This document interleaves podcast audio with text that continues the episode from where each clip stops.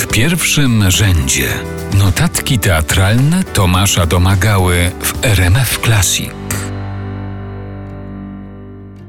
Chcecie się dowiedzieć, co czyta Elena Greco w scenie na plaży w genialnej przyjaciółce Eweliny Marciniak w Narodowym Starym Teatrze i dlaczego właśnie to? To posłuchajcie. Wszystko zaczęło się na krakowskiej grudniowej kawie. Spotkaliśmy się z Kasią podczas boskiej komedii, jak zwykle rozmawiając sobie o tym i o tamtym, a jednym z tematów obowiązkowych, jak zawsze zresztą, była literatura. Co fajnego wyszło, co aktualnie czytamy, co nas zachwyciło, czy to w lekturze, czy może zrobione przez któregoś z polskich reżyserów na scenie w jakimś teatrze. W tamtym czasie byłem totalnie zakochany w autobiografii Czerwonego Ann Carson.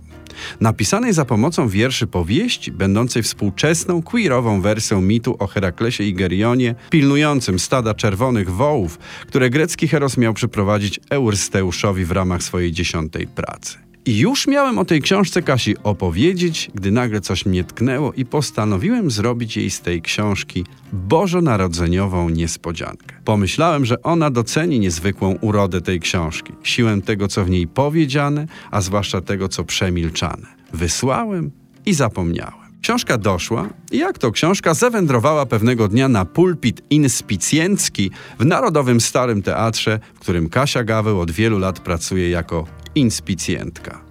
W międzyczasie trwały próby do spektaklu Genialna przyjaciółka Eleny Ferrante w reżyserii Eweliny Marciniak. I okazało się, że w jednej ze scen główna bohaterka Elena Greco w znakomitej interpretacji Anny Paruszyńskiej-Czackiej ma na plaży czytać książkę. Scenografka spektaklu Natalia Mleczak potrzebowała czegoś w kolorze rudo-brunatnym.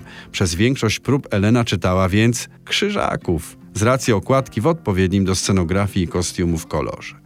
Aż w końcu przyszły generalne i reżyserka zapytała, co tak naprawdę czyta Elena. I wtedy zaczęły się gorące poszukiwania odpowiedniej książki, a ta grzecznie sobie leżała na inspicjenckim stole, żeby w końcu wygrać casting na książkę, z jednej strony o określonym odcieniu okładki, z drugiej o odpowiedniej treści poruszającej i wyrafinowanej jednocześnie adekwatnej dla ambitnej młodej intelektualistki. Tak więc Elena Greco, uwikłana w perwersyjny trójkąt miłosny, czyta teraz co wieczór autobiografię Czerwonego, który sam uwikłany jest w podobną relację. A historia moja jest o tym, że rzeczy zawsze znajdują swoją opowieść. Czego i Państwu życzę. W pierwszym rzędzie notatki teatralne Tomasza Domagały.